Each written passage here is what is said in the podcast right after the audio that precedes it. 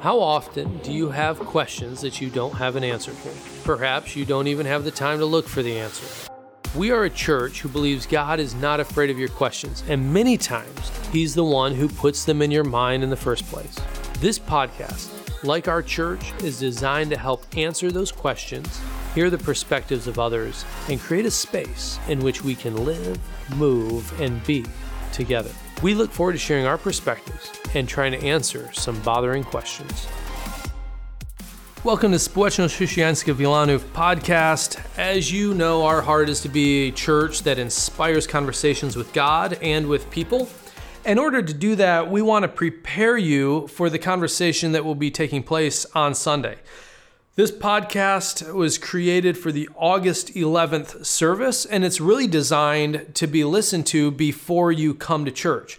That way, when you come, you've already heard the message, uh, you've read and interacted with the passage, and hopefully you've created your own ideas and thoughts about the passage so that when you come together with the family, you're just able to share and to talk. We'll do a quick summary on Sunday, uh, but really, this is the message itself.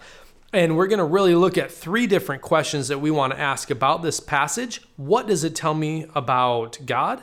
What does it tell me about humanity? And then what does it tell me about me? And what do I need to do to live in response of it?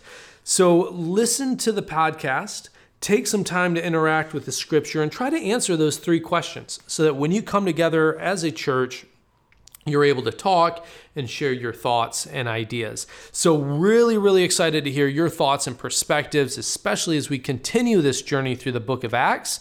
What I want to do is dive right into the passage here. We've looked last week about this community, this church community that is living and called to live an authentic, real life with each other. They've been coming together, sharing the possessions that they have, and we looked at how God judged Ananias and Sapphira because they were coming to the church, promoting something that they weren't, saying, This is all the money that we had sold, but in reality, they had hidden and kept some of it. And God looked at that and said, Hey, they are not lying to people, they're actually lying to me. And when we come to church without authenticity, holding sin in our hearts, what happens is we don't lie to each other. We're actually lying to God. We're coming to church to worship Him, but in our hearts, we're holding on to sin and we're holding on to things in our lives that displease God. And God looks at that and He judges it. And in the case of Ananias and Sapphira, God judged it to the point of death. And I believe it created a standard within the church that basically said, don't lie to God. I think that was kind of the point, the takeaway message and after that, it says in verse 11 of chapter 5 great fear seized the whole church and all who heard about these events. So we've been walking right through the book of Acts. We're going to pick it up in Acts chapter 5, verse 12. And actually, it should go right to the end of the chapter. I'm not going to read the entire chapter because there's a lot to it. So I'm going to encourage you at home before you come to church, read this entire chapter. But I'm going to focus on just some things that were kind of inspirational for me, some things that really connected with me. Uh, and I'll start with chapter 12. I'll kind of read through chapter 12, uh, verse 12. And it says this The apostles performed many miraculous signs and wonders among the people. All the believers used to meet together in Solomon's colonnade. No one else dared join them, even though they were highly regarded by the people. Now, they didn't want to join them because they had been under persecution. Uh, the temple courts had threatened them. And so there's kind of a fear. I believe that there's partly a, maybe a fear of the persecution that was there, maybe even connected to this verse 11 that great fear seized the whole church and all those who heard about the events after Ananias and Sapphira had died.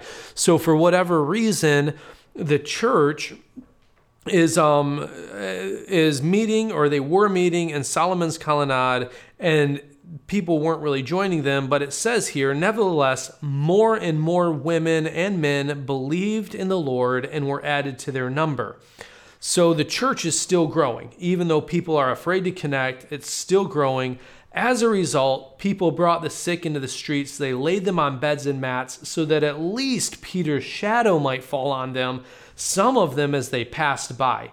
Crowds gathered also from other towns around Jerusalem, bringing their sick, those tormented by evil spirits, and all of them were healed. What Luke is doing here, and I think it's important to just kind of touch on this, this was not normal. Uh, this was not normal in the life of the church. Uh, this wasn't normal in the culture of the day. I believe that Luke is actually putting this in here to just show and to demonstrate how powerfully God was working through the apostles. This wasn't happening in the normal Christian's life, it wasn't happening necessarily in the average believer that we read about. What we read is a very unique moment, and I think that it could be dangerous because sometimes we, as uh, believers, even thousands of years later, look at this and we say, oh, we should all be doing that. We should all be healing. We should all be operating in that. I don't believe that that's why Luke wrote it as an inspiration. He's simply saying this not to inspire you to become this, it's just simply showing you the power of the Holy Spirit working. And it was so unique here. Uh, this is interesting. It says, they were even hoping that Peter's shadow might fall on some as he passed by. The Holy Spirit was operating so strongly in Peter that even his shadow touching somebody created a healing in their life. Now, that's pretty powerful. You don't even read that in the life of Jesus. You never read that Jesus' shadow healed somebody. Uh, so, what you're reading is something truly unique. But in response to that, the high priest, it says in verse 17, and the associates who were members of the party of the Sadducees were filled with jealousy. They arrested the apostles, they put them in jail and in prison. But during the night, an angel of the Lord opened up the doors of the jail and let them out. So, this is kind of the uh, situation that we're at. The high priests are filled with jealousy. They've arrested uh, Peter and John, the apostles and I'll, I'll, keep reading. At daybreak, they entered the temple courts as they were told, and they began to teach the people. so they've escaped from prison. They've literally been let out by uh, an angel. And where are they the next day? They're out there preaching and teaching. When the high priest and his associates arrived that day, they called together the Sanhedrin and the Assemblies. They sent to the uh, jail for the apostles, but on arriving at the jail, the officers didn't find them there. So they went back and they reported. We found that the jail was securely locked. The guards were standing at the doors, but when we opened them up, there was no one inside.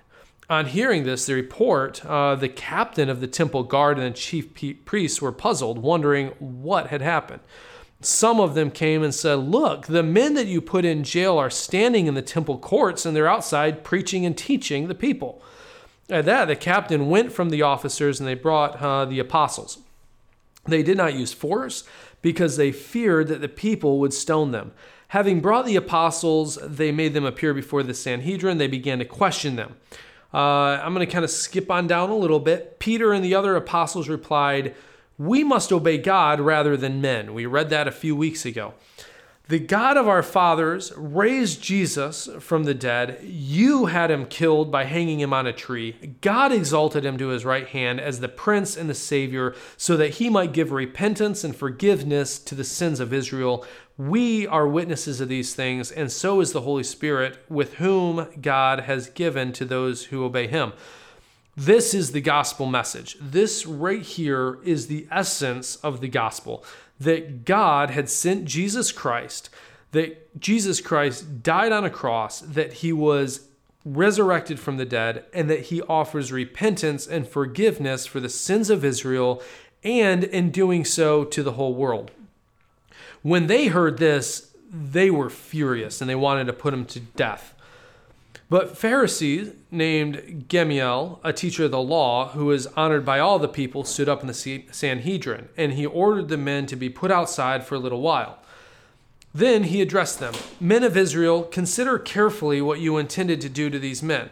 Some time ago, Thaddeus appeared, claiming to be somebody, um, claiming to be somebody, and about 400 men rallied against him. He was killed, and all of his followers were dispersed, and it came to nothing.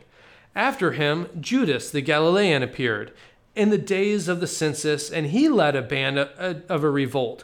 He too was killed, and all of his followers, followers were scattered. Therefore, in this present case, I advise you leave these men alone, let them go. For if their purpose or their activity is of human origin, it's going to fail. But if it's something from God, you will not be able to stop these men. You'll only be fighting yourselves against God. His speech persuaded them. They called the apostles in, they had them flogged or beaten, and then they ordered them not to speak in the name of Jesus and to let them go. The apostles left the Sanhedrin rejoicing because they had been counted worthy of suffering disgrace for the name of Christ. Day after day in the temple courts and from house to house, they never stopped teaching and proclaiming the good news that is Jesus, uh, the Christ, the Messiah.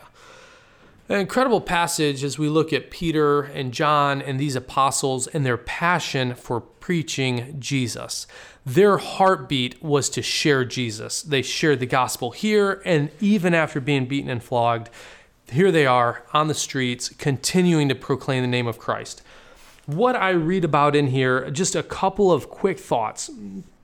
Uh, one of the things that I read is the wisdom of uh, this man here, uh, Gamaliel, uh, uh, who stood up and he tells them, Look, it, we've always had these kind of movements, uh, these revolts. We always had these people who would rise up uh, with their followers, but every time that they were killed, basically it all died down. And his logic is this if this is something that's just of men, then it's just going to die down and we don't even have to worry about it. But if it is from God, then who are we to actually fight against God in the movement that he's trying to do? I am inspired by that because we live 2,000 years later. 2,000 years later, the movement of God is still moving.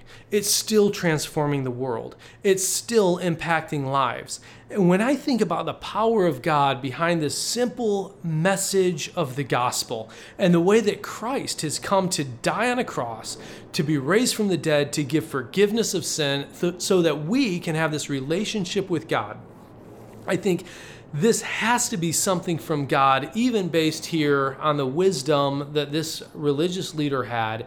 If it's from God, there's nothing that we can do about it. We're going to find ourselves fighting against God. So, what does it inspire me when I think about what does this tell me about God? It tells me that His movement, uh, this church that He has created, that has shared the gospel of Christ 2,000 years later, is still creating transformation in people's lives, hearts, and communities, it's still met with resistance. It's still met with confusion, mocking, but at the end of it, there are still those who are believing.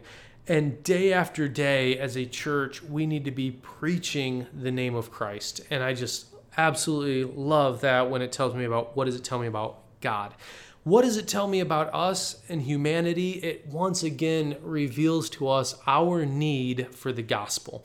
That each of us, because of sin, have been separated from God and we needed a Savior. We needed somebody who can step in and bridge that gap that we have to be able to meet God's holy and perfect standard. And that is the gospel message. Uh, the gospel message is the fact that you and I could never work or earn our way uh, to God, but that we needed a Savior, and that Savior was Jesus Christ. And so, what does it inspire me to do? Well, I read here day after day in the temple courts from house to house, they never stop teaching, proclaiming the good news that's in Jesus Christ. I believe that it inspires me to continually move on mission with this simple gospel message. I love doing acts of kindness. I love to see our church engage in acts of kindness. Those things are great. But at the end of the day, it's the message and the gospel of Christ that is actually going to transform hearts. It'll transform marriages, families, and communities. And I believe that as a church, we need to know and understand this gospel so that it can be clearly communicated, so that people can experience the hope of Christ. For me, it inspires me to move on mission with this little tool, uh, this little thing called the gospel. And I would encourage you to do the same. So here's where we're at. Uh, this is that chapter 5, the rest of chapter 5 from Acts chapter uh, 5, verses 12, all the way to the end, um, 42. What I would encourage you to do before you come to church, spend some time reading that passage, interact with it. Ask yourself the question what does this tell me about God? What does this tell me about humanity? And then what do I need to do in response? How can I either live better? How can I move on mission? Or how can I be in Christ and be in community with others? So these are my encouragements as mentioned, I'm going to tell you we're going to be meeting in homes. So this allows you to prepare before you come, have some thoughts because we love to hear your thoughts. That's kind of the heartbeat of our church is to hear what God has been doing in your life and what you've been learning. So take some time, read the passage, answer the questions. God bless and see you on Sunday. Thank you for listening and wrestling with this week's question. Hopefully, you're now asking more questions than you did at the beginning. As always, if you loved it, then like it, subscribe, share it with others. Check us online at schvillano.pl. We would love to have you join us on Sunday mornings at 9:30 to go deeper with this question and to share your own perspectives. So live, move, and be, and never stop sharing your bothering questions.